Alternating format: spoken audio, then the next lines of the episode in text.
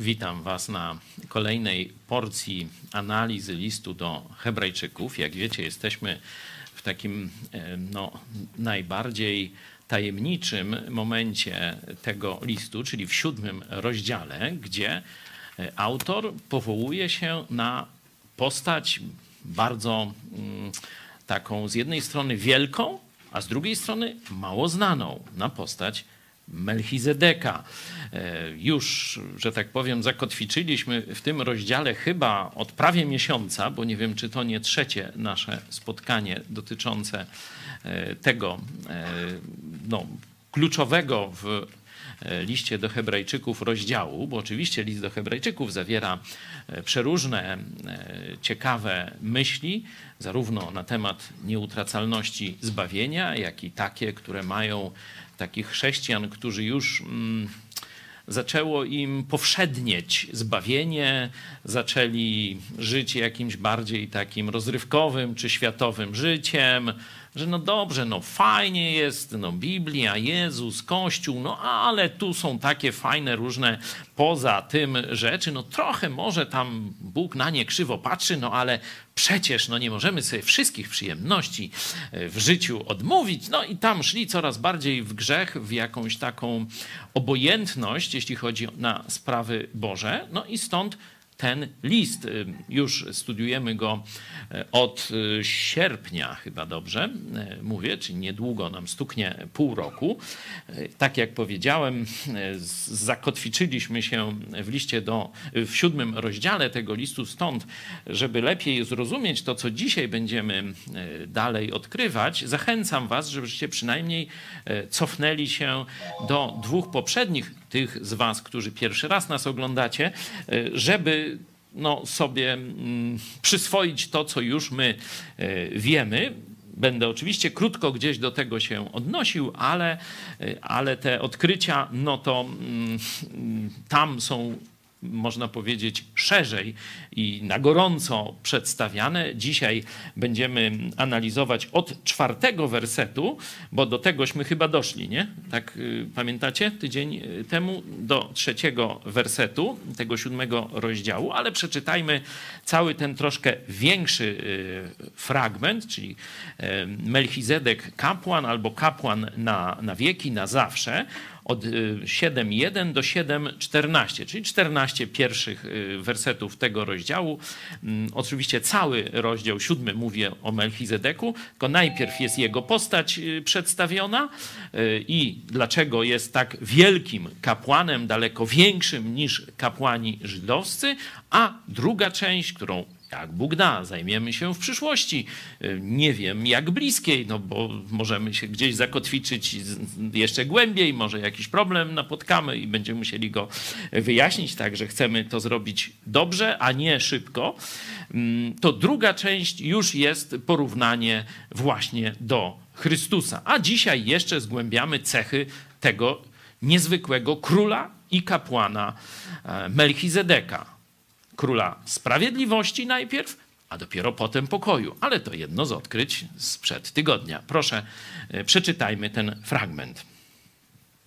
Ten to Melchizedek, król Salemu, kapłan Boga Najwyższego, który wyszedł na spotkanie Abrahama, gdy wracał po rozgromieniu królów, Bóg błogosławił mu. Abraham zaś dał mu dziesięcinę ze wszystkiego, imię jego zaś znaczy najpierw król sprawiedliwości, Następnie zaś król Salemu, to jest król pokoju. Bez ojca, bez matki, bez rodowodu, nie mający ani początku dni, ani końca życia, lecz podobny do Syna Bożego, pozostaje kapłanem na zawsze. Patrzcie tedy, jak wielki jest ten, któremu nawet patriarcha Abraham dał dziesięcinę z najlepszego łupu. Wprawdzie i ci, którzy są z synów Lewiego, a otrzymują urząd kapłański, mają nakaz zgodnie z zakonem pobierać dziesięcinę od ludu, to jest od braci swoich, chociaż i oni wywodzą się z rodu Abrahama. Ale tamten, który nie wywodził się od nich swojego rodu, otrzymał dziesięcinę od Abrahama i pobłogosławił temu, który miał obietnicę. A rzecz to jest bezsporna, że mniejszy od większego otrzymuje błogosławieństwo. W jednym wypadku biorą dziesięcinę śmiertelni ludzie, w drugim ten, o którym złożono świadectwo, że żyje. Jeśli tak można powiedzieć, w osobie Abrahama i Lewi, który popiera dziesięcinę, dał dziesięcinę. Był bowiem jeszcze w lędźwiach praojca swego, gdy Melchizedek wyszedł na jego spotkanie. Gdyby zaś doskonałość była osiągalna przez kapłaństwo lewickie, a wszak w oparciu o nie otrzymał lud zakon, to jaka jeszcze była potrzeba ustanawiać innego kapłana według porządku Melchizedeka, zamiast pozostać przy porządku Aarona? Skoro bowiem zmienia się kapłaństwo, musi też nastąpić zmiana zakonu. Bo ten, do którego odnosi się ta mowa, należał do innego plemienia, z którego nikt nie służył ołtarzowi. Wiadomo bowiem, że Pan nasz pochodził z plemienia Judy, o którym Mojżesz nic nie powiedział, co się tyczy kapłanów. Dzięki. Widzicie, że no, dwukrotnie już, y, nawet jeśli ten fragment jeszcze nie mówi o Jezusie w, pełni, nie? dopiero druga część siódmego rozdziału już będzie porównywać Melchizedeka do Chrystusa, albo raczej Chrystusa do Melchizedeka, y, to dwukrotnie przynajmniej Jezus się tu pojawia. Na pewno zauważyliście w wersecie trzecim, że ten Melchizedek jest podobny do Syna Bożego. Możemy sobie sprawdzić to podobny, jak jest w różnych tłumaczeniach. Jeśli ktoś w Grece może sprawdzić, też by było e, fajnie.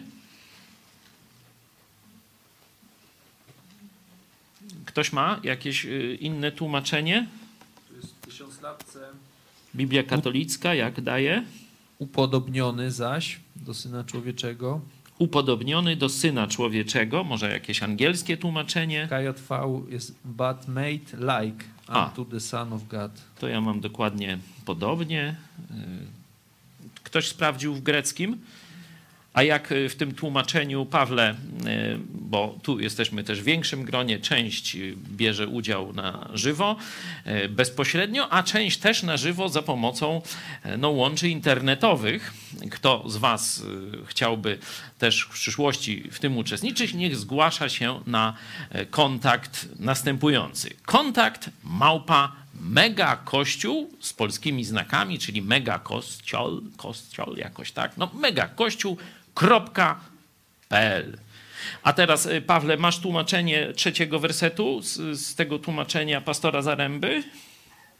Tak, proszę bardzo. To jest siódmy rozdział, oczywiście, byłem technikalnie. Tak, tak, cały czas siódmy rozdział. Mhm. Bez ojca, bez matki, bez rodowodu, bez początku swoich dni i bez końca życia, podobny w tym do Syna Bożego, pozostaje on kapłanem nieprzerwanie. O, podobny w tym, tu jest ciekawa rzecz. Ciekawe, czy w greckim jest podobny w tym, czy jest, jest tylko podobny bez określenia w czym. No, no, czyli to jest chyba księdza Romaniuka, tak? Czy jakie masz? A, to jeszcze inny.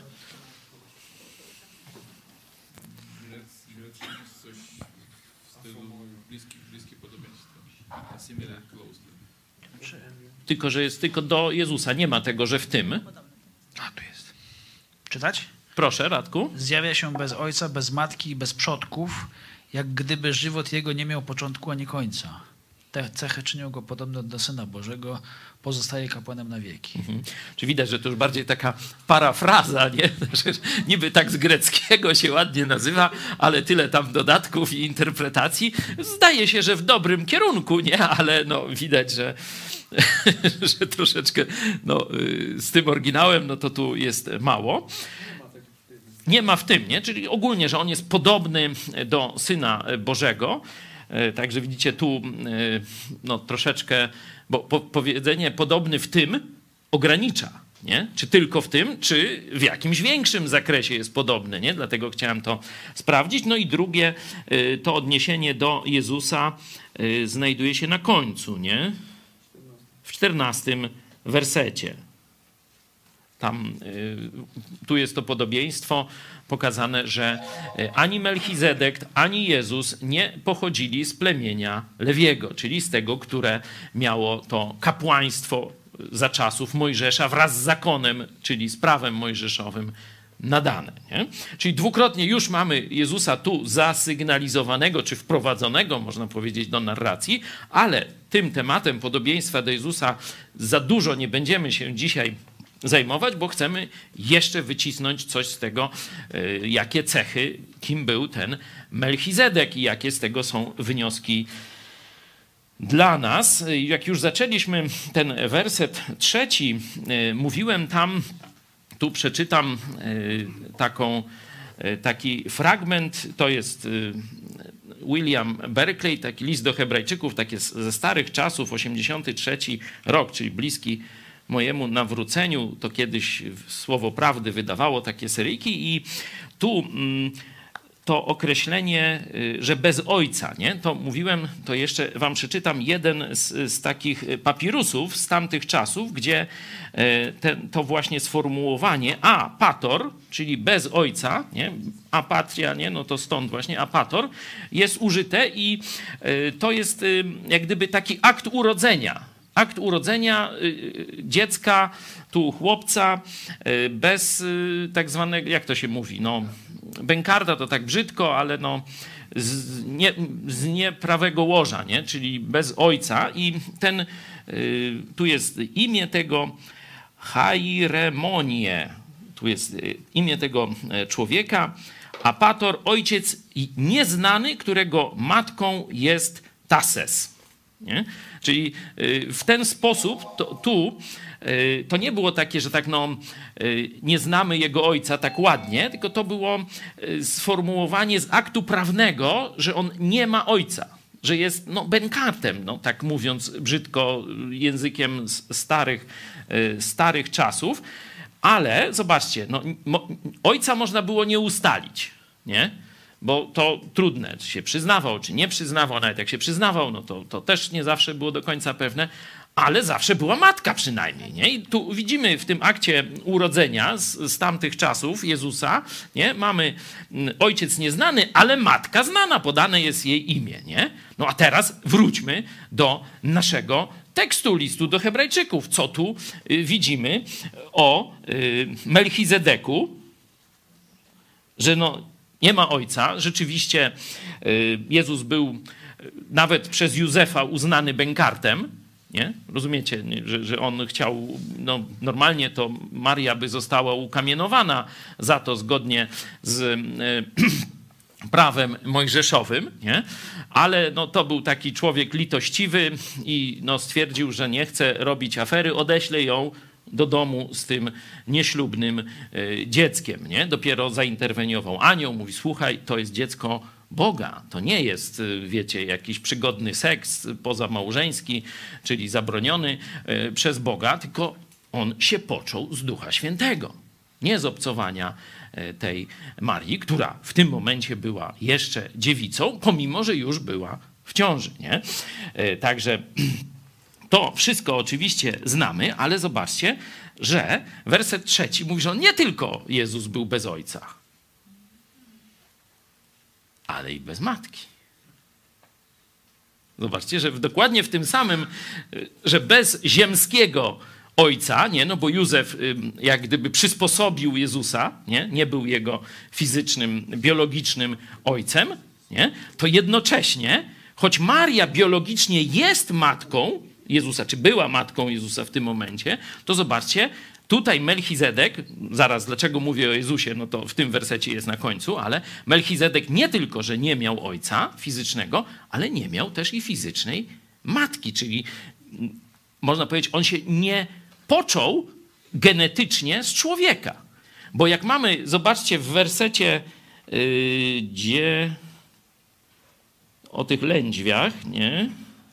Dziesiątym, to zobaczcie, tam, choć wiele pokoleń dzieli nie, Abrahama od Lewiego, no to już widzimy, że Lewi jest połączony z Abrahamem. Nie? Jest kilkaset lat pomiędzy nimi, ale Lewi był w genach, można powiedzieć, dzisiaj byśmy powiedzieli, znając już od 1950 e, roku mniej więcej, jak to się dzieje, był w genach zapisany w projekcie, można tak powiedzieć, nie? W genach Abrahama. Nie? I składał dziesięcinę, tak jak gdyby tam był obecny. Wręcz jest to tu e, pokazane. Nie? Jeśli chodzi o matkę, to Melchizedek mówi, że on nie ma też matki. Nie ma też matki. Nie ma ojca, no to to jeszcze jesteśmy w stanie zrozumieć, ale on nie ma też matki. Zobaczcie, kiedy Jezus był konfrontowany z tym pytaniem, że zobacz, zobacz, oto matka twoja przyszła, a ty tu z ludźmi gadasz. Pamiętacie, co Jezus odpowiadał? A któż jest matką moją? To są ci, którzy słuchają słowa mojego. Oni są matką i braćmi moimi. Czyli absolutnie prawdą jest, że ciało Jezusa genetycznie było związane z Marią, oczywiście poczęte z Ducha Świętego, to Jezus istniał wcześniej. Jezus nie pojawił się w wyniku yy, stajenki tych no, gwiazdy betlejemskiej i pastuszków. Nie? On tylko przyjął ciało. Czyli w tym sensie Maria nie może być jego matką. No bo matka to jest ktoś przed. Nie? To, to jest oczywiste, zobaczcie. I mówimy to oczywiście wszystko o Melchizedeku, ale żeby nie było żadnych wątpliwości, to autor Słowa Bożego tutaj mówi, to są takie same cechy jak Jezusa Chrystusa. Że tak samo Jezus nie miał ziemskiego ojca i nie miał ziemskiej matki. Chociaż miał ziemskie ciało od Marii, to jest oczywiste. Ale nie miał ani końca, ani początku. Czy nie ma dokładnie, by trzeba powiedzieć, nie ma ani końca, ani początku. Dlaczego? No to jest proste, bo jest Bogiem, a Bóg nie ma ani początku, ani końca. No, to o tymśmy mówili sobie tydzień temu, ale przypominam, bo jest to, yy, myślę, no, niezwykłe, szczególnie w świecie katolickim, niezwykłe odkrycie, gdzie wprost jest to napisane w liście do e, Hebrajczyków. Dalej mówiliśmy o tym braku, e, braku rodowodu. Nie? Zobaczcie, w pierwszym wersecie jest określenie, kto go ustanowił kapłanem, można tak powiedzieć. Bo w żydowskim kapłaństwie stawało się kapłanem z urodzenia. Nie? Że jeśli ktoś począł się w plemieniu tym, jako przodek miał Lewiego, nie? To jeśli spełnił tam jeszcze dodatkowe cechy, tam na przykład nie, nie mógł mieć różnych ułomności fizycznych, tam były wyliczone te, e, te ułomności, ale nie będziemy się w to zagłębiać, no to zostawał z definicji, kiedy tam osiągnął jakiś wiek, zostawał wprowadzony w urząd kapłana. Nie? Czyli zobaczcie, nieważne było, czy on jest święty, czy, czy, czy wierzy w Boga, czy nie wierzy w Boga, nie? czy jest niemoralny, czy moralny. Nie, ma, nie było tutaj tego, tego no, kryterium. Tylko kryterium było iście fizyczne, nie? czy fizyczne genealogiczne. Zobaczcie, że bardzo, bardzo podobna rzeczywistość jest w kapłaństwie katolickim. Kapłan katolicki jest kapłanem niezależnie jaki jest. Może być najgorszym bandziorem, może być, nie wiem, pedofilem, mordercą, no wymyślcie sobie, y, może na przykład palić węglem w piecu, bo to jest teraz najgorsza zbrodnia, nie? Tam te wszystkie inne to tam już są wszystko tam rozgrzeszone, ksiądz wie, ale palenie, palenie węglem to jest najgorsze, nie? A i tak sprawuje kapłaństwo w sposób ważny, bo on ma mianowanie. Nie? On wszedł na urząd, on jest z urzędu kapłanem. I tak właśnie funkcjonowało żydowskie kapłaństwo. Dlatego mówimy, że katolicyzm to jest religia żydowska, tylko w troszeczkę innym opakowaniu. Żydowska starotestamentowa. Nie? Mógłbym tych y, analogii pokazywać wiele, wiele więcej. Y, korzystając z tego listu, można pokazać, że tak jak religia żydowska, e, Kościół katolicki dalej składa ofiary za grzech. Nie? Żydzi jeszcze nie, teraz nie składają, bo nie mają świątyni, bo im do tego jest potrzebna świątynia.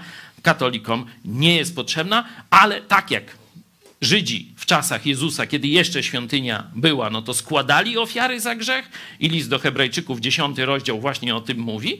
Tak dzisiaj katolicy kapłani y, składają ofiary za grzech. Jakby katolicy dzisiaj nie są specjalnie świadomi tego, co się nam dzieje, bo śpią, czy krótka jest, nie wiem, ale to jest ofiara za grzech. Tam właśnie Jezus na słowa kapłana wchodzi w opłatek, czy jak to tam nazwać, to się nazywa transsubstancjacja albo inaczej przeistoczenie, czyli zmienia się istota z chleba i mąki zmienia się w ciało Chrystusa, a nawet kolejny sobór, bo najpierw sobory powiedziały, że tak, że y, opłatek zmienia się w ciało Chrystusa, a wino zmienia się w krew Chrystusa, nie? No a no, cały Jezus to jest ciało i krew.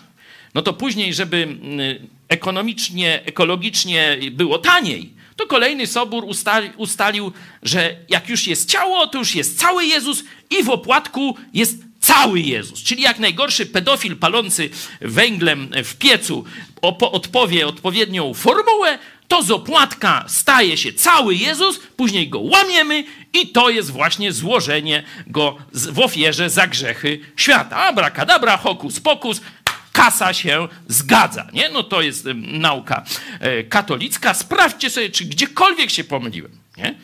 Sprawdźcie sobie, proszę bardzo, czy na przykład jak pedofil, czy ten palący koksem, e, koksownik tak zwany, odprawi mszę, zgodnie wypowie te właściwe zaklęcia, czy ona jest ważna, czy nieważna.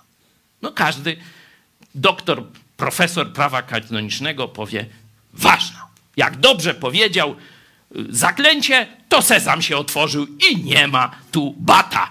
I tak dalej. To jest kapłaństwo starotestamentowe, lewickie, ludzkie, a to jest kapłaństwo Boże.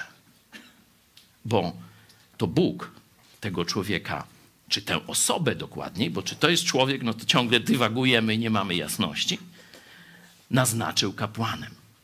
To jest kapłan Boga. On nie ma matki, nie ma ojca, nie ma początku, nie ma końca, tak jak syn Boży, nie? ale on przez Boga został ustanowiony. Jak to na zastosowanie takie kościelne? Oczywiście, jeśli chodzi o kapłaństwo, czyli rozumiane w ten sposób, że pomiędzy grzesznymi ludźmi a świętym Bogiem jest ten, ten ktoś, który stara się przybliżyć nie, tych, tych grzesznych ludzi do Boga, to kto dzisiaj jest na ziemi kapłanem? Bo wiemy, że Jezus Chrystus jest arcykapłanem, no ale kto jest kapłanem dzisiaj, czy kapłanami na ziemi w tej chwili? Biskupi katolicy. Nie, oni są w starym porządku tym starotestamentowym. Chociaż na każdej mszy tam się odwołują do tego Melchizedeka, nie wedle porządku Melchizedeka, to oni, y, Chrystus tak jest wedle porządku Melchizedeka, oni nie są. Oni są naznaczeni i mogą palić koksem. Nic, im, nic ich nie ruszy. Nie? Wiem, że tydzień temu e, tu Kornelia z, z, byłym księdzem Jurkiem próbowali rozkminić, czy jak tego Tymoteusza Szydło papież zwolni z kapłaństwa, to czy on już przestaje być kapłanem, którym nie może przestać być, czy jednak przestał być. Ta Meunika znalazła takie, takie ciekawostki, że jak ksiądz się żeni, to nie można się cieszyć. Czyli ślub musi być skromny, i nie y, bez rozgłosu, żeby nie gorszyć ludzi. Czyli to, jak ksiądz się żeni, to, to, to jest zgorszenie dla ludzi. O, to już są zawiłości tego bezbożnego kościoła, tak sobie nawymyślał takich głupot, no i teraz się tam, y, bo w normalnym kościele Jezusa Chrystusa to y, pastor, no już mówię o tym, który prowadzi kościół, to on musi mieć żonę. Bo jak nie ma żony, to się nie nadaje. No, nie sprawdził się w rodzinie. Pierwszym kryterium sprawdzenia człowieka do bycia pastorem jest to, czy jest dobrym mężem, a potem, czy jest dobrym ojcem i tak dalej. No ale to za chwilę. To kapłaństwo, którego tym wzorem starotestamentowym jest Melchizedek, czyli zobaczcie, nie ma to nic wspólnego z prawem mojżeszowym, to jest kilkaset lat wcześniej, nie? To jest z nadania Bożego, nie ludzkiego, nie? bo on był kapłanem Boga, ale mówię, nie wiadomo skąd przyszedł, czyli żaden człowiek, że bez rodowodu jest, nie? bo rodowody no to właśnie dawały kapłaństwo w systemie żydowskim, nie? a on jest bez ojca, bez matki, bez rodowodu, nie? znikąd. I zobaczcie, za, za chwilę dzisiaj będziemy patrzeć, ale już czytaliśmy, że on jest większy od tamtych kapłanów. Wow! Warto się zastanowić, czym on jest większy, nie? bo zaraz będziemy mieć te dowody, że jest większy, ale no, domniemujemy, jak jest bez ojca, bez matki, bez rodowodu, czyli coś w nim musiało być większe. Nie? Tak, tak se kombinujemy. No, wydaje się, że jest to sensowne. I teraz zobaczcie, że kiedy znajdujemy e, pierwszy kościół i wyłanianie przywódców tam, to apostoł Paweł, pierwszy okres to jest jeszcze, że apostołowie wyznaczają, nie? Ale drugi okres, który jest już pokazany w liście, pierwszym liście do Tymoteusza, w trzecim rozdziale i w pierwszym rozdziale listu do Tytusa, tam już mowa jest o kwalifikacjach. Czyli zobaczcie, jest to analogia właśnie do Melchizedeka. Nie z jakiej rodziny on pochodzi, nie jaką uczelnię skończył. Można nawet techniczne uczelnie skończyć, politechniczne, medyczne też można i można być przywódcą kościoła. Nie trzeba skończyć ani uczelni teologicznej, nie trzeba być z jakiejś rodziny tam kapłańsko-pastorskiej czy i tak dalej. Nie trzeba mieć ludzkiego namaszczenia, że jakaś rada ustali i tak dalej, czy da ci dyplom. Ty musisz mieć immanentne, czyli wewnętrzne cechy. I te cechy są podane. Nie? Zobaczcie, że jeśli już szukać analogii do tego kapłaństwa y, w znaczeniu Melchizedeka, y, to znajdziemy ich właśnie w biblijnym wyborze pastorów. Bardziej nawet nie wyborze, tylko to jest, to jest trochę oczywiste. Y, to sprawa Tymoteusza jest pokazana, nie? że apostoł Paweł po różnych tam perypetiach związanych z um, jego tą pierwszą grupą misyjną, szukał kogoś innego, nie? bo tam mu się rozsypała E, Barnaba odszedł z powodu kontrowersji na temat Marka, no i on szuka kogoś nowego. I zobaczcie, tam mamy już ślad tego właśnie dobrego świadectwa Kościoła. Że Paweł nie prosi, Boże, daj mi objawienie, kogo mam wybrać. Tylko Kościół wystawił temu chłopcu dobre świadectwo, że to jest rzeczywiście Boży chłopak. Nie? No i apostoł Paweł go zabrał. Czyli mamy jak gdyby coś, co się w człowieku wydarzyło, nie? i teraz inni to widzą. To Bóg zbudował ten charakter w tym człowieku, to Bóg dał tę przemianę duchową w nim, która tak się uwidoczniła, i teraz ludzie to rozpoznają. Tak, to jest Boży człowiek. On się do tego nadaje. Nie? Oczywiście mówię, nie jest to dokładnie to samo, o czym tu czytamy, ale jest to temu bliższe. Bo teraz, jak on by zaczął palić koksem, nie, to od razu by wszyscy bardzo dobrze, Tymoteusz, dołóż jeszcze tego koksu i tak dalej. To jakby było w naszym kościele, a w innych może są różne inne kryteria, bo my wiecie, że encykliki papieskie o paleniu koksem i węglem, wiecie z jakim poważaniem traktujemy i gdzie je mamy. Także tu u nas akurat stary kodeks grzechów i katalog grzechów biblijny panuje, a nie takie e, kucypały. Ale wróćmy do tego pytania, kto dzisiaj jest kapłanem nie w znaczeniu przywództwa w kościele, bo tak niekiedy się rozumie, stąd dlatego na przykład część luterańskich pastorów o zgrozo przyjmuje tytuły księży i sobie KS i oni już tacy, o jak się, no już to nie, no to, ale dzisiaj nie będziemy w to wchodzić. Kto dzisiaj jest kapłanem? Oprócz Jezusa Chrystusa. Oczywiście Jezus, nasz arcykapłan, jest w niebie i list do Hebrajczyków, czwarty rozdział mówi, żebyśmy przychodzili e, z każdą sprawą do tronu łaski, ale kto jest kapłanem w znaczeniu zbliżania ludzi grzesznych, oddzielonych od Boga, do świętego Boga. Oczywiście, jeśli chcecie się, ktoś chce się połączyć, to, to prosimy, y, naciskajcie tam odpowiedni przycisk u siebie w komputerze i zaraz y, będziecie mogli y, tu być słyszalni przez wszystkich. Ma ktoś jakiś pomysł? Są dzisiaj kapłani, czy nie ma?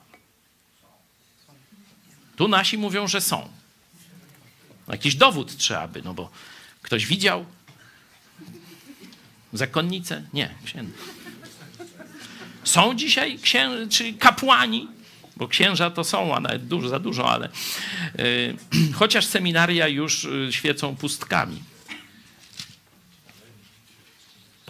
To może sobie udzielę głosu. Proszę. Y, Pewnie więcej osób o tym wie, ale ciekawie właśnie y, pan Zaręba przetłumaczył werset Nie pan, tylko pastor. pastor Nie, nie, nie, Zaręba. pastor. Jeszcze pastor. Tu dobrze. Y, Przetłumaczył werset Rzymian 15, y, 16. Otóż brzmi on tak w jego tłumaczeniu. Y, Tam wcześniej mówi o łasce Bożej, a teraz tak powiada. To za jej sprawą jestem względem narodów przedstawicielem Chrystusa Jezusa, pełnię służbę kapłańską. Głoszę do Bożą dobrą nowinę po to, by poganie stali się przyjemną ofiarą, uświęconą przez Ducha Świętego. I tutaj e, tego nie ma, że pełnię służbę kapłańską e, w, w oryginale. Tutaj jest dodana rzecz, ale e, prawda jest rzeczywiście taka, że każdy, kto głosi Ewangelię i przyczynia się do tego, że nowi wierzący zaczynają składać ofiary, a tymi ofiarami są właśnie modlitwy świętych czy ich wielbienie Boga, to pełni podobną rolę jak, to, to jest miłe Bogu. Tego rodzaju właśnie ofiary są dzisiaj miłe Bogu i taki człowiek, czyli każdy wierzący, tutaj jako apostoł Paweł, y, pełni taką służbę na, na kształt kapłański byłej kiedyś. Y, Zgoda, że ten wniosek jest prawdziwy, choć należy zaznaczyć, że dokonałeś tu, Pawle, interpretacji. I trzeba by udowodnić, że ta interpretacja jest uzasadniona. Bo werset, który zacytowałeś, Rzymian 15:6, dotyczy tylko i wyłącznie apostoła Pawła. Proszę, tu Radek chce coś dodać. Fragment jeszcze. Tak, tak, ale y, najpierw tylko chcę pokazać, że wniosek jest słuszny, choć z tego jednego fragmentu nie dałoby się go mm, w sposób bezdyskusyjny obronić. Nie? Bo można by po- pójść dwie sensowne interpretacje. Ta, którą przedstawiłeś, to znaczy, że każdy, kto tak jak apostoł Paweł głosi tę samą Ewangelię, to jest tak jak apostoł Paweł w tej służbie kapłańskiej. Ale druga interpretacja, równie e, prawdopodobna, czy powiedzmy podobnie prawdopodobna, to, że jednak apostoł Paweł miał pewne szczególne cechy, bo został apostołem i tylko on pełnił tę funkcję kapłańską, kiedy e, głosił Ewangelię. Nie? Oczywiście wiem, Pawle, że znasz tekst zapewne ten, który Radek chce przeczytać z listu już Piotra, gdzie jest rozszerzenie tego, także obserwacja jest słuszna, tylko y, ja jestem od tego, żeby pilnować dyscypliny studiowania, to sam ten werset mówi tylko o Pawle i trzeba udowodnić, że rozszerza się na wszystkich chrześcijan, czy na przykład na nas. Proszę, Radek. To ja czytam z pierwszego listu Piotra, drugi rozdział, dziewiąty werset. Wy jesteście rodem wybranym, królewskim kapłaństwem, narodem świętym, ludem nabytym, abyście rozgłaszali cnoty tego, który was powołał z ciemności do cudownej swojej światłości. Amen. Tu już jest wy, no możemy zobaczyć na adresatów listu Piotra, będziemy mieli, że tu mniej więcej też jesteśmy, e, spełniamy te cechy, tu chrześcijanie się zgadzają, że listy apostolskie są do nas też kierowane, choć w pierwszym rzędzie do adresatów tych no, mm, konkretnych, czyli tu do Efezjan, tu do takich, tu do śmakich, nie? Ale w tym rozszerzeniu jest to nauka apostolska skierowana przez Boga do całego Kościoła, czyli także do nas. I jeszcze raz, Radku, przeczytaj. Zobaczcie, jakie analogie z Melchizedekiem zobaczycie w tym tekście, który Radek podał. Y, To jest pierwszy Piotr, jeszcze raz drugi rozdział, dziewiąty werset. Ale wy jesteście rodem wybranym, królewskim kapłaństwem, narodem świętym, ludem nabytym, abyście rozgłaszali cnoty tego, który was powołał z ciemności do cudownej swojej światłości. Amen. Widzicie analogię pomiędzy Melchizedekiem a kapłaństwem, które jest naszym już udziałem. I nie ma tu różnicy, czy ktoś jest e, baby Christian, czyli ma trzy dni w Chrystusie. Być może ktoś z Was e, nas ogląda, który się parę dni temu albo 10 minut temu nawrócił, już jesteś w tym królewskim kapłaństwie. Czy też jesteś pastorem, czy tam nie wiadomo kim e, w kościele. Nie ma tu różnicy. Wszyscy jesteśmy tym królewskim kapłaństwem. Jaka analogia z Melchizedekiem? Tak, zobaczcie, e, w tym kapłaństwie lewickim była rozdzielona ta, ta funkcja kapłańska i funkcja królewska. Nie? A tu w Chrystusie i w Melchizedeku i w nas, zobaczcie, my jesteśmy królewskim kapłaństwem, tak jak Melchizedek, zobaczcie, był oczywiście kapłanem Boga Najwyższego, stwórcy nieba i ziemi, ale jednocześnie był też królem Salemu. Nie? Także no, warto sobie to uświadomić, nie? że kiedy czytamy o tu jakimś wielkim Melchizedeku, to dzięki zaufaniu Jezusowi Chrystusowi zostaliśmy w tym znaczeniu zbliżania ludzi do Boga. Dokładnie tak samo nazwani jak ten wielki król, kapłan Boga Najwyższego. To jest dzisiaj moja i Twoja rola, żebyśmy głosili Ewangelię tym, którzy jeszcze nie znają Jezusa Chrystusa i którzy idą w kierunku piekła ze względu na swoje grzechy. I byśmy głosząc im Ewangelię, dawali im szansę, żeby zawołali do Jezusa Chrystusa i przeszli na drugą stronę. Zbliżyli się do Boga. Jak bardzo, to jeszcze, jak Bóg da, dzisiaj zajmiemy się z jedenastego wersetu. Jak bardzo nowe przymierze w Chrystusie, które głosimy, zbliża ludzi do Boga. Czy tylko trochę? Czy tylko tak do bramczyśca? A potem jeszcze trzeba dopłacić? I z bramczyśca, tam przez obrót narożnie, na przykład pójdziesz. Teraz była szansa, nie szympansa, tylko coś innego. Tylko dwie godziny było e, takie 8 grudnia tylko nie pamiętam, przed naszym spotkaniem, nie wiem, czy ktoś z was skorzystał, chyba od 12 do 13? Jak ktoś w tym coś tam zrobił, nie wiem, 3 sarta mortale, czy, czy 15 pompek, a, to wszyscy zapomnieli, była niedziela handlowa. No toż ile tych dusz czyścowych teraz będzie musiał rok czasu czekać. A jakbyś tam coś zrobił, jakieś abracadabra, fokus pokus w tej godzince 8 grudnia, to 1563 lata czyścowe załatwiasz dziadkowi. Pozdrawiamy katolików. Ja naprawdę się dziwię. Ludzie, kochani, przecież macie rozum i dajecie się ładować, słuchaj, z Amazonii, jacyś dzicy, czy z Afryki. Jakby im takie farmazony ktoś tego, to by go dzidą w tłustą dupę kolnęli. A wy słuchacie takich. A, dobra, przepraszam, wracamy do tekstu. Mamy już załatwione, kto jest dzisiaj kapłaństwem. Każdy chrześcijanin właśnie reprezentuje Boga. Możecie sobie podobną myśl zobaczyć w drugim liście do Koryntian, w piątym rozdziale, tam mniej więcej od 17 do 20 wersetu, ale dzisiaj już, może w niedzielę, e, tym tematem się więcej e, zajmiemy, jak Bóg da, a my wracamy do naszego Melchizedeka. Czyli no, wiemy, że jest to ktoś niezwykły. Tu do końca nie wiemy, czy to nie jest czasem pojawienie się Jezusa na ziemi na chwilę w tamtym czasie. Bo rzeczywiście dziwna sprawa. Jak to jest, że bez rowodu, nie wiadomo skąd, i od razu wszyscy wiedzą, że to jest kapłan Boga Najwyższego. Abraham wie, wie, że trzeba mu złożyć dziesięcinę, że trzeba prosić o błogosławieństwo. Zaraz będziemy. Skąd to wszystko było wiadome? Nie? Skąd, skąd ta osoba się wzięła? I dlaczego jest to podkreślane, to podobieństwo do Jezusa Chrystusa? Nie? Być może, ale mówię, nie chcę tego rozstrzygać.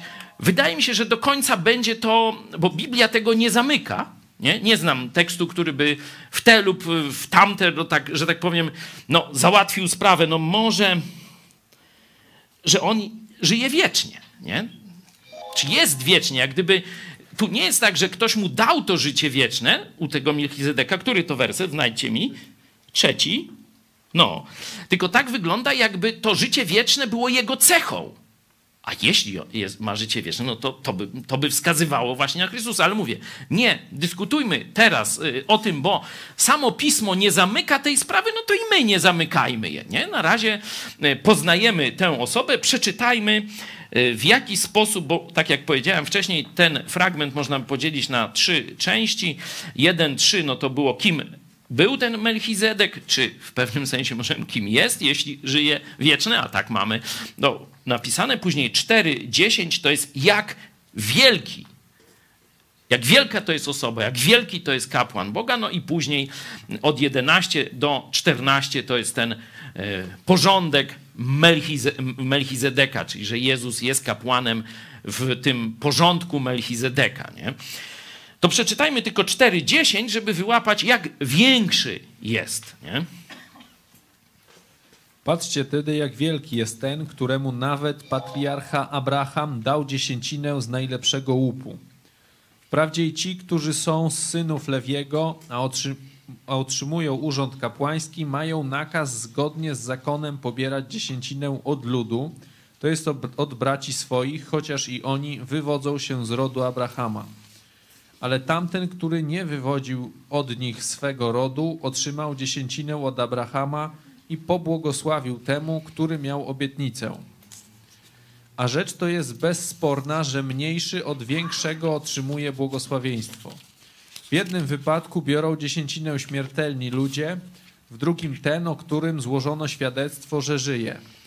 Jeśli tak można powiedzieć, w osobie Abrahama i Lewi, który pobiera dziesięcinę, dał dziesięcinę. Był bowiem jeszcze w lędźwiach praojca swego, gdy Melchizedek wyszedł na jego spotkanie. Okej. Okay. No, cały ten fragment no to zawiera tą, tę wyższość nad kapłaństwem żydowskim Starego Testamentu. No możemy sobie y, prześledzić, jakie to są tam te argumenty, że, że Melchizedek jest większy. Nie? No, pierwszy, no to, że otrzymał dziesięcinę. Nie? Tu bezspornie, zaraz jeszcze wrócimy do tej dziesięciny, ale tylko pokazuję, że pierwszy argument, że otrzymał dziesięcinę, no a mniejszy daje większemu tę y, dziesięcinę. Y, I y, dalej, Lewici, bo tutaj jest to kapłaństwo Starego Testamentu, otrzymują tę dziesięcinę od równych sobie, nie? od braci swoich. Nie? a ten otrzymuje od samego Abrahama. Nie, że tamci, nie od Abrahama, że to jak gdyby Lewi jest po Abrahamie, nie jest niższy od Abrahama, później, nie jest jego potomkiem. I tamci biorą od Żydów tą dziesięcinę, a ten dostał od samego Abrahama. Czyli po pierwsze, że dostał dziesięcinę. Teraz od kogo dostał tę e, dziesięcinę? Nie? Co jeszcze możemy powiedzieć?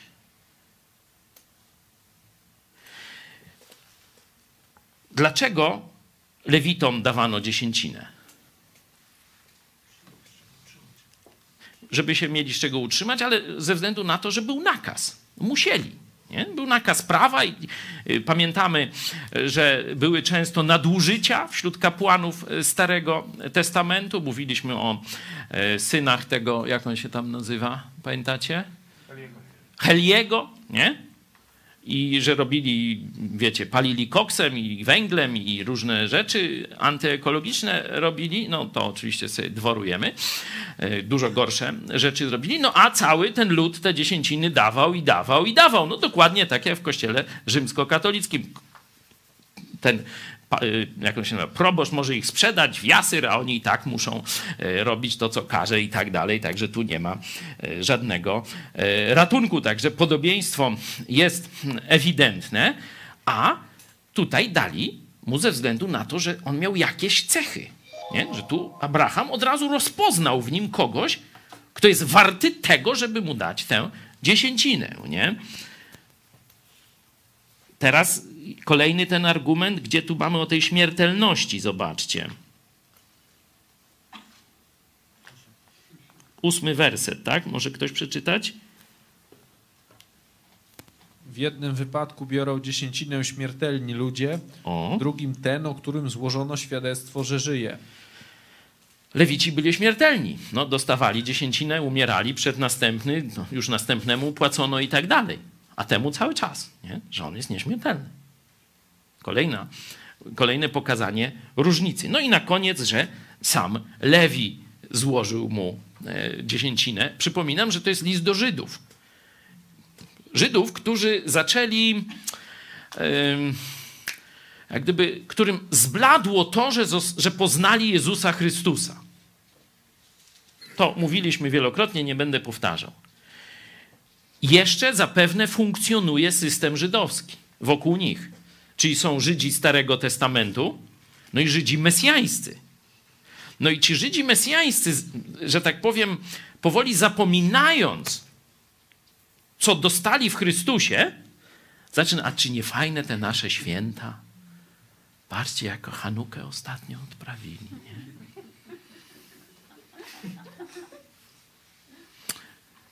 Może by jednak tam wrócić?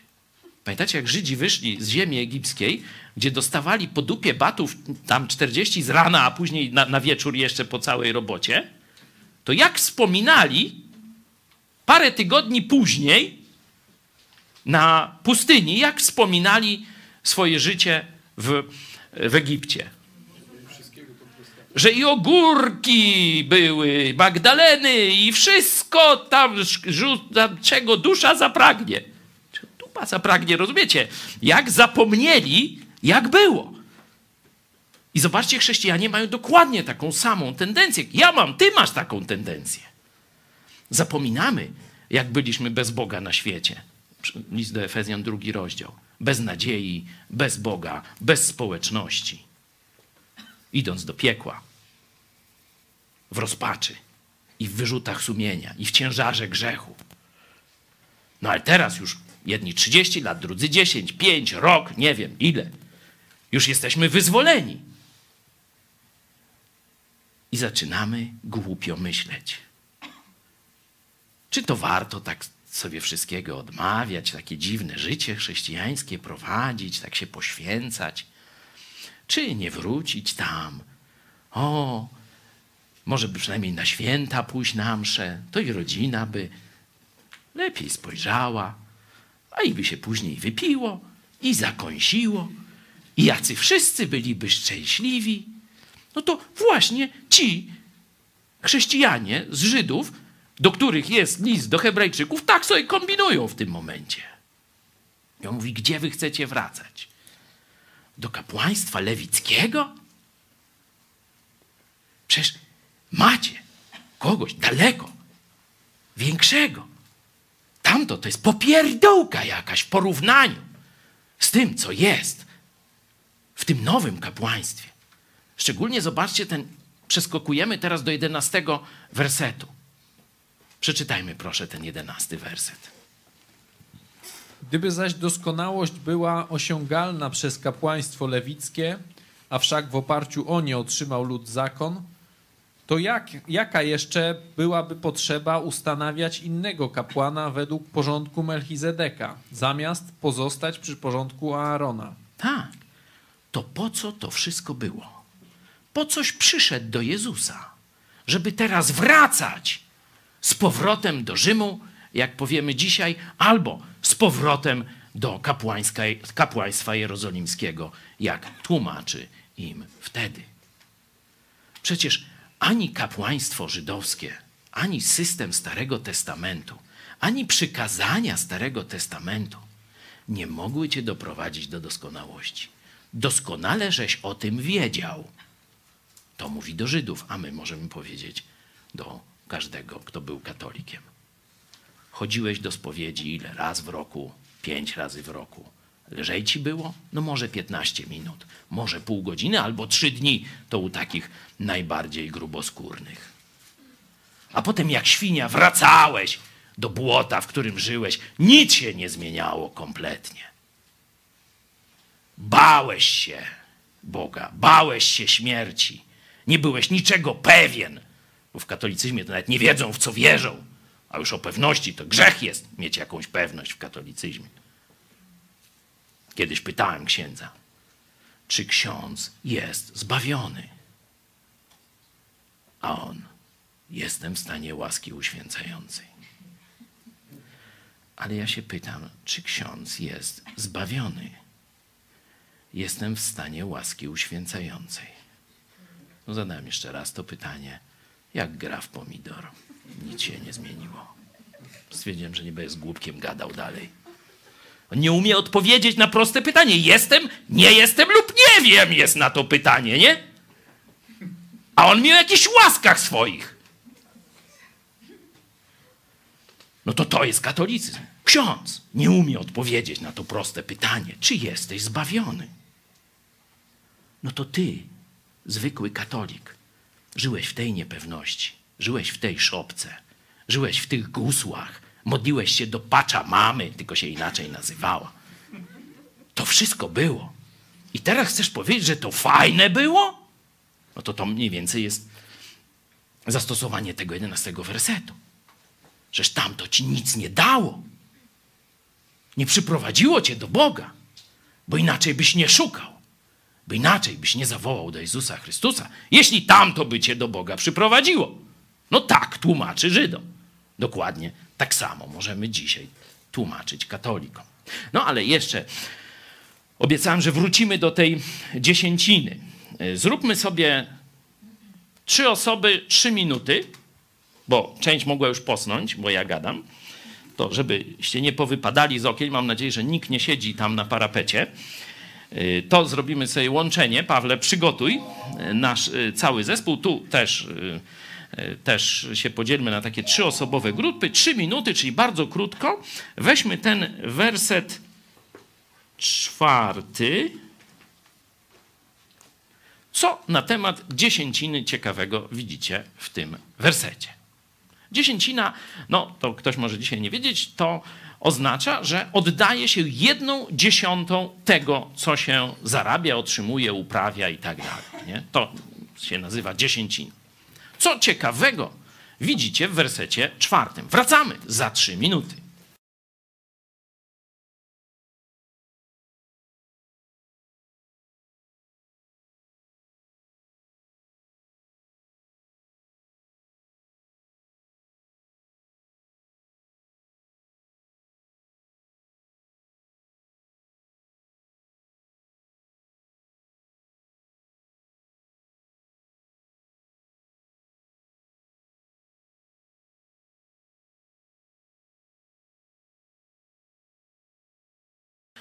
Mieliśmy dzielenie w grupach.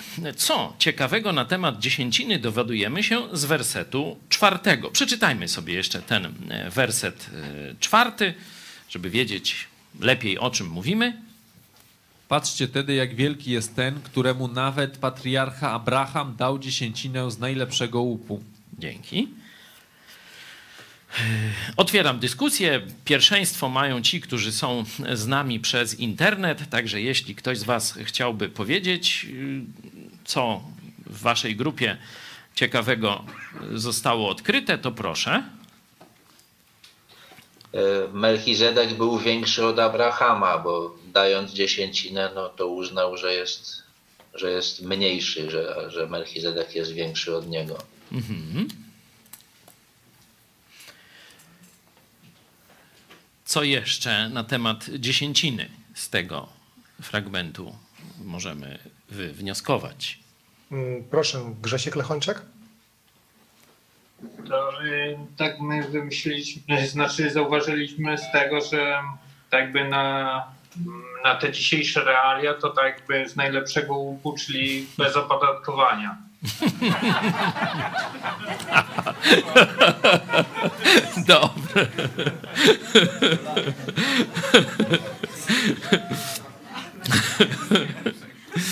Pozdrawiamy Szwajcarię. Pozdrawiamy Szwajcarię. Szczególnie w Polsce to jest, to jest ciężko. No tu są różne te podatki widzialne i niewidzialne. Nie? No sam dochodowy to jest przy tych nisko i średnio zarabiających no, prawie 20%, później tam chyba te stawki na 30, 32, a później na 40, tak? Już nie, nie, 32, dwustopniowa jest ta skala. Myślałem, że, że 3. No w każdym razie w, innych, w niektórych krajach z kolei w ogóle nie ma podatku dochodowego. Są tam inne podatki, ale dochodowego nie ma. No ale dobra, w to, w to nie będziemy głęboko wchodzić, ale dzięki za, za taką no, rozbawiającą nas uwagę. Ktoś jeszcze? No i jeszcze tu na kontekst, żebym zwrócił uwagę, po rozgromieniu królów, czyli tu jest zestawienie tego, że nie dość, że jest większy od Abrahama, to jeszcze Abraham jest w tym kontekście, że on pokonał no, po paśmie sukcesów i po rozgromieniu królów, czyli Tak. to też jakby nadaje rangę temu Melchizedekowi jeszcze większą Mhm. właśnie. Nie? Dobra, ale Dzięki. skupmy się dzięki na samej dziesięcinie. Co o dziesięcinie możemy z tego jeszcze wycisnąć? Krótki werset, ale parę rzeczy się da. Szukajmy dalej. E, My mamy tutaj takie fajne tłumaczenie, to jest e, Biblia Tysiąclecia, ale tłumaczenie poznańskie. I tu jest tak fajnie napisane. Widzicie więc, jak wielki był ten, któremu Abraham jako głowa narodu dał dziesiątą część najlepszych zdobyczy. Nie ze wszystkich, a z najlepszych zdobyczy. Tego, co, co, co zdobyli najlepszego. Tu by trzeba to e, wyjaśnić. Dzięki, dzięki. Yy, Bo jak oni dawali dziesięcinę? Nie? No dzisiaj dostajemy pieniądze zwykle tam jakimś przelewem albo w gotówce, no to liczymy, ra- znaczy mnożymy za razy jedna dziesiąta, no i nam wychodzi. Nie? Oni nie dostawali pieniędzy, nie? oni mieli rzeczy. Nie? Yy, Czyli tam jakieś, yy, no nie wiem, szaty, jakieś buty, no zwierzęta, mm, no tam zboże, czy no tak, ale rzeczy, nie? I czym cechują się rzeczy? Że są podobne, ale nie jednakowe. Nie? Jak tam na przykład zdobyli tysiąc szat na tych swoich wrogach, no to jedne były bogatsze, drugie biedniejsze, jedne tam bardziej znoszone, drugie nówki, nie? Inne się tam trochę pobrudziły, inne czyste były i tak dalej, nie? Różne, nie? No i oni mówią tak, no tysiąc szat, no to ile to trzeba by dać w ramach tej dziesięciny, nie? I cisza, nie? To jest właśnie szkoła państwowa, nie? No przyjmijmy w przybliżeniu, że 100, nie? No i teraz które? No tak patrzymy, o ta parcieje, nadaje się na dziesięcinkę, nie? Ta, o taka widać, że już dziura na dupie, te spodnie bierzemy, nie? Czy coś takiego. No nie, nie? Nie, nie zrobił też, y, no bo to, że tak powiem ci, bardziej gospodarni by tak zrobili.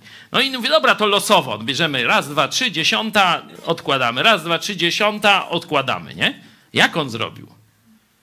On wybrał 100 najlepszych szat i te oddał na dziesięcinę, nie? No taka ciekawa obserwacja, nie? Oczywiście, czyli to znaczy, że on dał więcej niż 10%. Zobaczcie, bo jeśli dał najlepsze, to znaczy, że de facto dał więcej niż 10%. Nie? Dlatego, kiedy my mówimy w naszym e, kościele o dziesięcinie, nie? to mówimy, że przynajmniej 10%. Nie? Że to jest takie minimum, którego Bóg od nas oczekuje. Nie? To może być w niektórych przypadkach, jak y, mamy naprawdę ciężką sytuację, nie?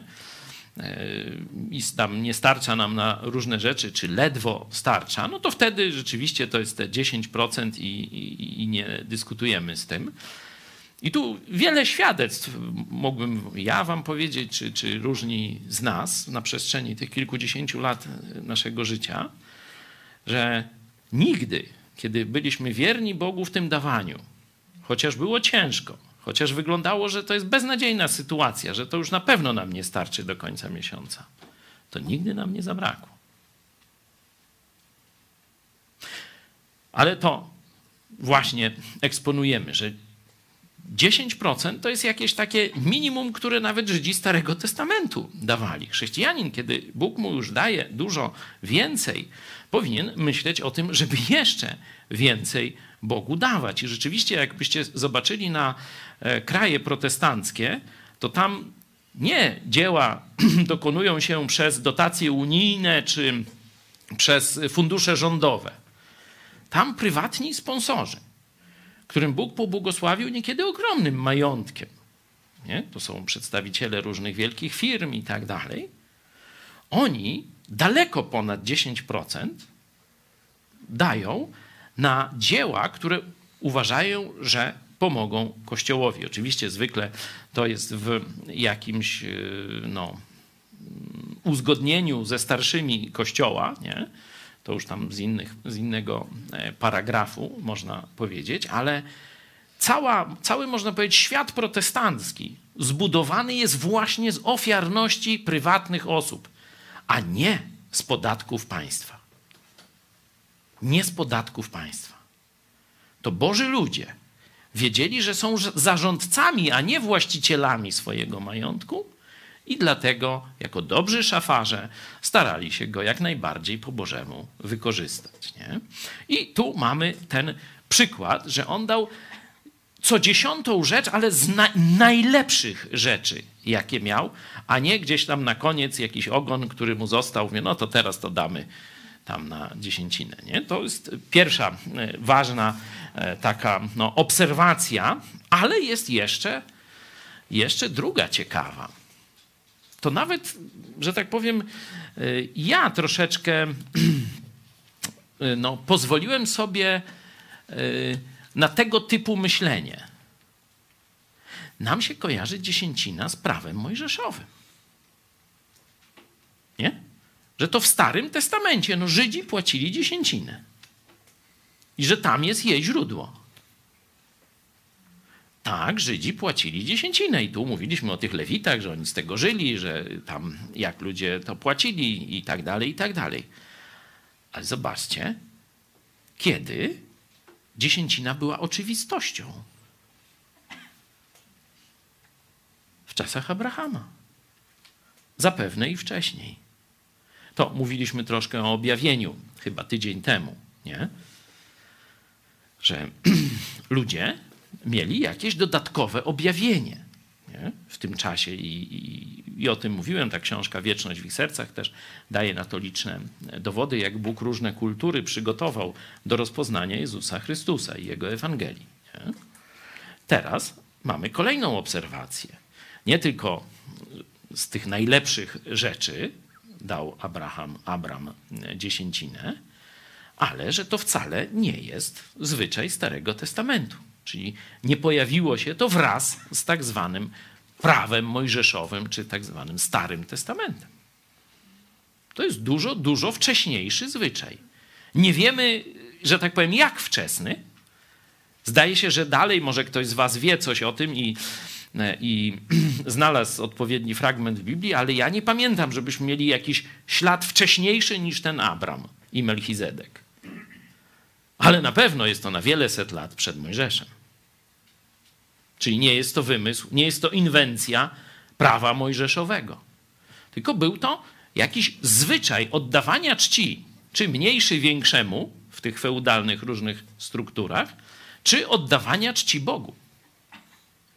Bo tu ten przedstawiony Melchizedek jest jako kapłan Boga Najwyższego i Abraham od razu, że tak powiem, no, skoro, znaczy jak to się nazywa, tak gorliwie, nie, chętnie, od razu mu daje z najlepszych rzeczy, które zdobył dziesięcinę. Nie?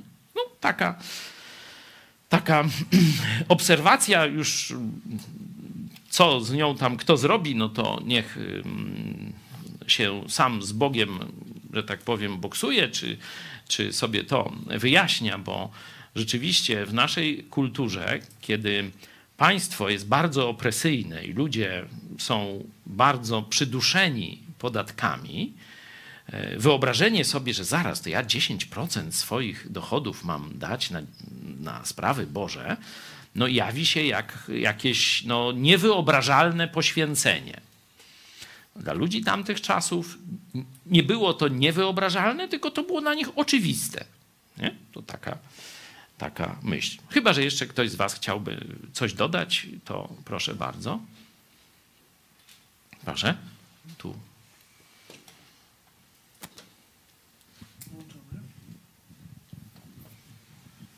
Mnie nachodzi od jakiegoś czasu taka myśl, e, jeśli chodzi o definicję kapłana.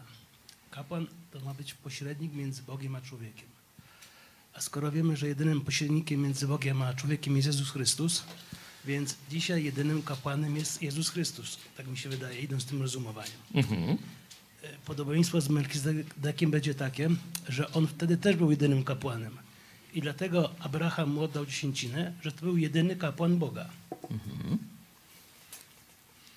Idąc tym rozumowaniem, cały ten fragment zaczyna mieć sens. Tak, tak. Dlatego. Yy to nie, nie, wydaje mi się, by wtedy tych kapłanów Boga było w każdym mieście tam taki Tam jeden. jeden. Tak, bo przyszedł tam król y, tego Sodomy, no to z i dziadu było, nie? To, to pamiętamy, tak, że to był. Tu y, Abram nie miał, nie wiemy jak on to rozpoznał, ale on wiedział, że to jest ten.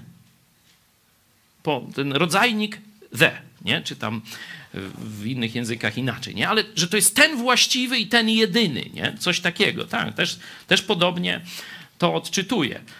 Mówię, dlaczego my możemy, mm, mimo wszystko, dlaczego Biblia nas też nazywa kapłanami Boga w tym sensie, nie? Może nie kapłanami, tylko że pełnimy służbę kapłańską. Służbę kapłaństwo, tak, tak, masz rację, tak.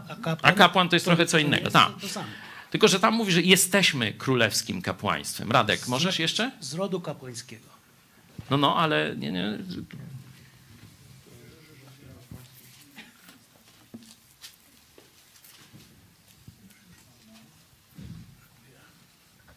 To jest y, tak. Wy jesteście rodem wybranym, królewskim kapłaństwem. O, widzisz, jest, jesteście Jest- jesteśmy królewskim kapłaństwem. To wcale nie znaczy, że musi być kapłanem. Bo to nie jest jednoznaczne. No tak, tylko- To wcale nie znaczy, że jest kapłanem. Można, można to rozumieć w ten sposób, że w naszych serca, w sercach mieszka duch Jezusa Chrystusa. Nie? I dlatego odesłałem do tego listu do Koryntian, drugi list do Koryntian 5, 20 czy 21, że w miejsce Chrystusa mówimy, pojednajcie się z Bogiem. Nie? Że Bóg nam zlecił tę misję głoszenia Ewangelii, że sam Chrystus dzisiaj nie głosi Ewangelii, choć pociąga ludzi do Boga, nie? pociąga do światła, ale tymi, którzy mówią, jak jest, nie? w jaki sposób ma człowiek być zbawiony, no to są chrześcijanie. Są Nie? chrześcijanie. Tak. A jeśli ustanawiane są w tym liście do Tymoteusza cechy, to nie są cechy kapłanów, tylko starszych. Tak, przywódców kościoła, tak, tak. Tylko mówię, że Nie pada tam słowo nigdzie kapłan. Oczywiście, tylko to, to bezspornie, że, że pastorzy nie są żadnymi kapłanami w sensie pośrednictwa między ludźmi a Bogiem, tylko kapłani mieli też rolę przywódczą nabożeństw, nie? że na przykład teraz śpiewamy taką piosenkę, a nie, a nie każdy, tak jak u Zielonych, każdy gada co chce i jest taki, że tak powiem, kakofonia jakaś. Nie? Tylko mówię, jest porządek, bo Bóg jest Bogiem porządku i w tym sensie y, dzisiaj pastorzy pełnią tę fu- funkcję porządku, porządkującą nabożeństwa chrześcijan. Nie? Służbę kapłańską, a nie są kapłanami. Tak, tak, można. Ta, to oczywiste, nie? Mówię, wszyscy chrześcijanie, dzięki temu, że Jezus jest w nas i jest powiedziane, że my nie swoją mocą mówimy Ewangelię, nie? że to jest mocą Ducha Świętego i tak jak mamy już ten list do Koryntian, y, drugi, piąty, y, drugi list do Koryntian, piąty rozdział, dwudziesty, który to jest? Dwudziesty werset. Jakby można przeczytać, to, to bym prosił to jest właśnie rozwinięcie tego, co apostoł Piotr y, pisze w tym tekście, który Radek przed chwilą czytał, nie? O. Dlatego w miejsce Chrystusa poselstwo sprawujemy, jak gdyby przez nas Bóg upominał. W miejsce Chrystusa prosimy, nie? Czyli tu przez nas Bóg i w miejsce Chrystusa, nie? Że, że tego? Pojednajcie się z Bogiem. Tu dokładnie nawet to prosimy słowo, to jest błagamy. Jest bardzo takie żarliwe, nie? Dlatego e, często nasi bliscy nie rozumieją, dlaczego my takich dręczymy tą Ewangelią. I tam, wiecie, jedni z nas to lepiej zrobią, drudzy gorzej, nie? Ale wypływa to właśnie z tej żarliwości, że wiemy, że idziecie na potępienie. Dlatego z taką żarliwością staramy się was przekonać do tego, żebyście się pojednali z Bogiem, zawoławszy do Jezusa: Zbaw mnie, ratuj mnie. Nie? Dzięki. Czarek? Bo w objawieniu 1.6 jest kapłanami z kolei. Możesz przeczytać werset cały? I uczynił nas rodem królewskim, kapłanami Boga i Ojca swojego. Niech będzie chwała i moc na wieki wieków. Amen. Tak, no to mówimy właśnie w tym sensie, że Jezus mieszka w nas i nam poruczył to zadanie mówienia ludziom, pojednajcie się z Bogiem, czyli głoszenia Ewangelii. Nie? I w tym sensie my stajemy między Bogiem a ludźmi i jesteśmy głosem Boga, który mówi, pojednaj się z Bogiem. Nie? Dlatego ewangelizacja jest tak ważną misją Kościoła, po to właśnie Duch Święty został nam dany. Odnośnie tej dziesięciny jeszcze, tutaj z Księgi Rodzaju, czwarty rozdział od trzeciego wersetu. Po niejakim czasie Kain złożył ofiarę, Panu ofiarę z płodów rolnych. Abel także złożył ofiarę y, z pierworodnych trzody swojej i stłuszczył ich, a Pan wejrzał na Abla jego ofiarę, ale na Kaina i na jego ofiarę nie wejrzał.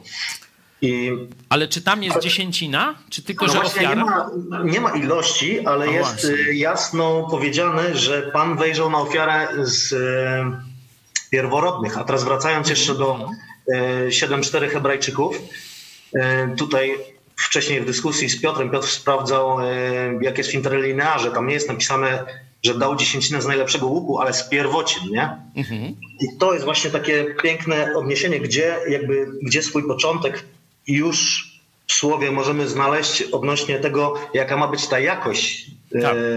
ofiary czy, czy, czy daniny. E, że, że tutaj nie liczy się właśnie sama ilość, ale ilość i jakość, nie? Tak.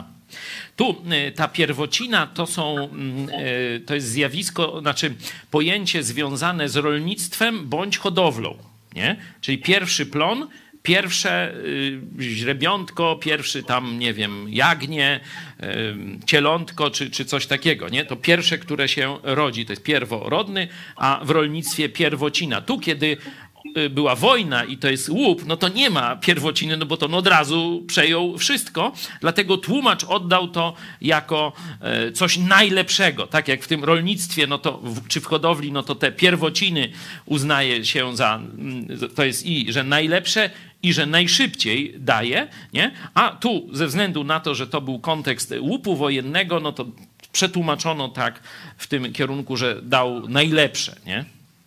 Dzięki. Ja bym jeszcze tylko dodał właśnie jak Radek z drugiego rozdziału listu Piotra, ale werset piąty. Wy również niby żywe kamienie jesteście budowani jako duchowa świątynia, by stanowić święte kapłaństwo dla składania duchowych ofiar przyjemnych Bogu przez Jezusa Chrystusa. Że tutaj też to ukierunkowanie, że jednak stanowimy to kapłaństwo, jeszcze w tym wersecie jest podkreślone i składamy ofiary, no bo kapłan miał składać ofiary, tak. Tak, i że świątynią jesteśmy zarówno nasze ciała, a tutaj jako zbiór tych ciał jesteśmy świątynią. No, jeśli chodzi o tę duchową ofiarę, to Rzymian 12, 1, 2, e, tam jest wezwanie składajcie samych siebie, no, ciała swoje, no to jest w sensie samych siebie na żywą ofiarę, że my mamy nie tylko dawać część naszego życia Bogu, ale całe nasze życie ma należeć do Boga i ma być służbą Boga. Będziemy o tym mówić, i mam nadzieję, w niedzielę e, z listu do Koryntian, jak tam apostoł Paweł mówi: Jeśli jeden umarł za wszystkich, to znaczy, że wszyscy umarli, aby już nie żyć dla siebie, ale dla tego, który za nas umarł. Nie? To, to jest dokładnie ta sama myśl. Dzięki. To co? Starczy na razie? To zakończmy tym jedenastym wersetem. On nas wprowadzi w ten porządek Melchizedeka. Przeczytajmy go jeszcze. Y, Może Pawle, ty przeczytaj z Biblii mm, tego pastora Zaręby. Proszę bardzo. Hebrajczyków y, 7:11, tak? Mhm. Jeśli by więc doskonałość była osiągalna za pośrednictwem kapłaństwa lewickiego, a właśnie w oparciu o nie lud otrzymał prawo, to nie byłoby potrzeby ustanawiania kapłana według porządku Melchizedeka zamiast porządku Aarona. Dzięki. Y, Chciałem, żebyśmy chwilę skupili się na, tym, na tej doskonałości. Nie? Y, Jak jest u Zaręby jeszcze raz to słowo doskonałość? Perfection, tu mam po angielsku. Ty jak Pawle miałeś? Doskonałość. Doskonałość, Brytyjka, tysiąclatka. Wszędzie jest doskonałość, tak? Tekst grecki. Sprawdzamy, bo ostatnio widzieliśmy. Czyli jest to z tym celem, nie? To pamiętacie, że doskonałość to jest wypełnienie celu, który e, ma Bóg, e, czy, czy gospodarz w tym sensie, nie? Przyniesienie owocu i tak dalej, nie? I teraz czego dowiadujemy się o kapłaństwie i zakonie, czyli przymierzu Starego Testamentu z wersetu 11? nie mógł doprowadzić nas do doskonałości. Czy nie mógł nas, ludzi, doprowadzić do celu, który Bóg ma dla nas. Jeszcze raz zwróćcie na to uwagę ci, którzy, bo w katolicyzmie poleganie na uczynkach zakonu jest drogą do zbawienia. To są już inne uczynki niż w Starym Testamencie, już tam sabatu nie obchodzą, Hanuki nie obchodzą, tam nie wiem, jakiś pełni księżyca, takich, śmakich czy owakich, nie? Ale dalej jakiś zestaw uczynków i przepisów ma nas doprowadzić do doskonałości, ma nas doprowadzić do zbawienia. Żaden zestaw przepisów nie może tego zrobić. Dlaczego? No ten zestaw przepisów, które Bóg dał Żydom, był dobry. Oni się starali. Nawet im częściowo wychodziło. Ale właśnie w tym częściowo tkwi cały szkopuł. Jest pies pogrzebany, jak to mówią muzułmanie. Nie? Oni psów bardzo nie lubią. Dla nich dobry pies to martwy pies. No, nie, no to tak jest. Zobaczcie, przepisy nie mogą nas, moralne, dobre przepisy, nie mogą nas doprowadzić do doskonałości. Możemy przeczytać sobie jasno w liście do Rzymian 8, 1 i następne. Jest tam odpowiedź. Dlaczego dobre, moralne prawo Boże nie może nas przywieźć do doskonałości?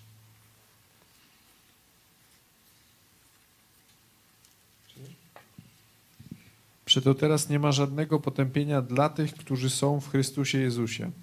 Dalej, dalej, do cztery. Bo zakon ducha, który daje życie w Chrystusie Jezusie, uwolnił cię od zakonu grzechu i śmierci. Albowiem czego zakon nie mógł dokonać, w czym był słaby z powodu ciała, tego dokonał Bóg przez zesłanie syna swego w postaci grzesznego ciała, ofiarując je za grzech, potępił grzech w ciele, aby słuszne żądania zakonu wykonały się na nas, którzy nie według ciała postępujemy, lecz według ducha. Dlaczego zakon był nieskuteczny? Dlaczego Boże prawo było nieskuteczne, choć dobre, choć moralne? Dlaczego było nieskuteczne?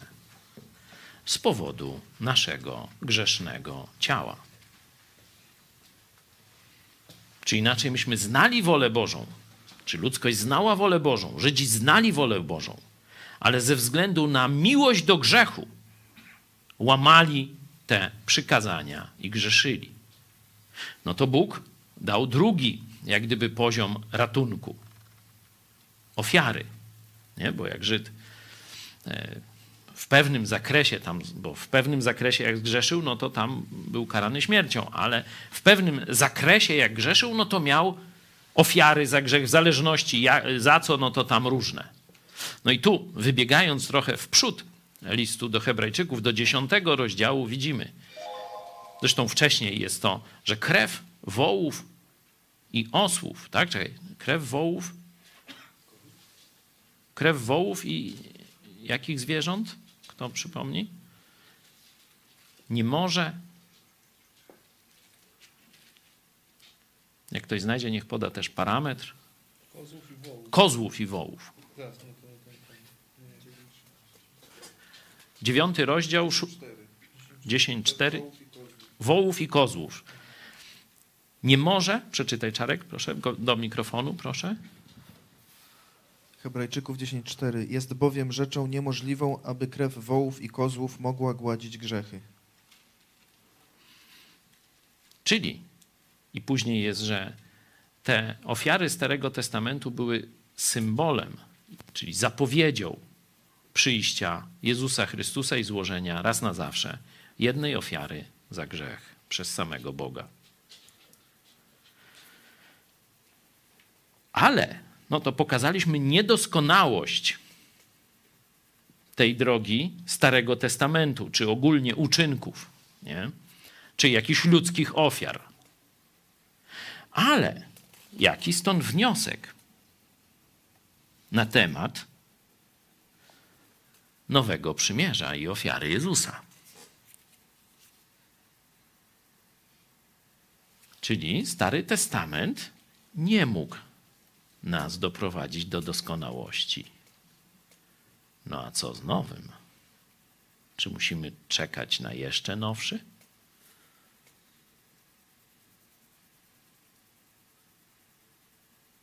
Co myślicie? Jeszcze raz ten jedenasty werset przeczytajmy.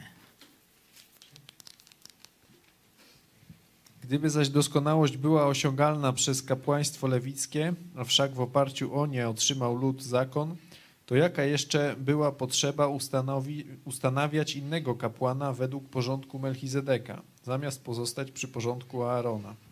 Pokazaliśmy, kim jest Melchizedek, nie? Od Boga, z autorytetem wypływającym z Niego samego, żyjący na wieki, który góruje nad całym tym ludzkim systemem kapłaństwa. No i teraz jest pokazane, to stare przymierze nie mogło doprowadzić do doskonałości. Bóg dał nowe przymierze i nowego kapłana. No, wiemy, że tu będziemy za tydzień, jak Bóg da, już dalej iść w tą stronę, właśnie, że to jest Jezus. Ale jak rozumiecie ten werset? Tamto nie mogło doprowadzić do doskonałości, dlatego Bóg dał drugiego, nowego kapłana. Tak, ten doprowadzi. Tak. Że to nie jest, że no ten Jezus się starał, ale mu wyszło lepiej lub gorzej, teraz może przyjdzie jeszcze jakiś prorok. Na przykład muzułmanie wierzą, że Jezus był dobry, ale dopiero Mahomet to już był najlepszy i bach czułkiem w glebę. Nie, w dywanik, przepraszam. Nie? Także oni se tak wierzą, jak wierzą chrześcijanie, że Jezus doprowadził sprawę do końca. I zobaczcie, że już czytaliśmy o tym. Pamiętacie? Gdzie? Znaczy, w którym? Cofnijcie się parę, parę y, wersetów, czy tam, no, kilka, trochę więcej może. 9, 5, 9. No, 5, 9. Proszę, przeczytaj. Osiągnąwszy pełnię doskonałości, stał się dla wszystkich, którzy są mu posłuszni, sprawcą zbawienia wiecznego. Amen. Widzicie? Tu już cofamy się do tyłu. Jezus rzeczywiście w sposób doskonały załatwił sprawę. Jeśli On jest sprawcą naszego zbawienia, to nie jest to tymczasowe zbawienie, taka wajka wstanka. W poniedziałek, poniedzieli, świeżutki, wyspowiadany, czyściutki, zbawiony. Przychodzi piątek po imprezie, w sobotę, już potępiony stracił zbawienie. No leci do kościoła w niedzielę. Tam przeżyje wzniosłe chwile, wyzna swoje grzechy, znowu jest zbawiony. I do piątku, i tak w kółko. No to jest bzdet, to nie jest chrześcijaństwo. Chrześcijaństwo to jest raz zbawiony, na zawsze zbawiony, bo tamten system starotestamentowy był niedoskonały, nikogo nie mógł przywieźć do doskonałości. Ten jest doskonały. Nowe przymierze we krwi Jezusa jest doskonałe. I Jezus, doskonały kapłan, przywodzi nas do doskonałości. Nie jest to nasza zasługa, ale tylko i wyłącznie Jego. Dlatego mówienie o nieutracalności zbawienia nie jest naszą pychą i wywyższaniem człowieka. Jest prawdziwym wywyższeniem Jezusa Chrystusa, naszego Pana i Boga. Chwała mu za to. Dobra, dzisiaj będziemy już kończyć. Jako takie główne myśli, no to mówiliśmy o dziesięcinie, mówiliśmy o kapłaństwie, a na koniec o doskonałości zbawienia, które dla nas zdobył nasz Pan Jezus Chrystus. Za tydzień przejdziemy już, myślę, do tego porządku Melchizedeka, pójdziemy dalej, poza czternasty e, werset. A dzisiaj chciałbym się już powoli z Wami żegnać. E, my jeszcze będziemy się tu dalej modlić, dziękując Bogu, że możemy pełnić dla Niego służbę. Nie w niedoskonałości, nie w ciągłych upadkach naszej grzesznej natury, ale żyjąc zwycięsko, ponieważ Duch Boży mieszka w nas, a mając poznanie Jezusa Chrystusa, możemy rzeczywiście śmiało sobie poczynać, bo On jest gwarantem naszego sukcesu, tak samo jak jest gwarantem naszego zbawienia. Także Wam przed telewizorami ten piątkowy wieczór dziękuję, a my jeszcze dzisiaj tutaj będziemy się modlić. Do zobaczenia.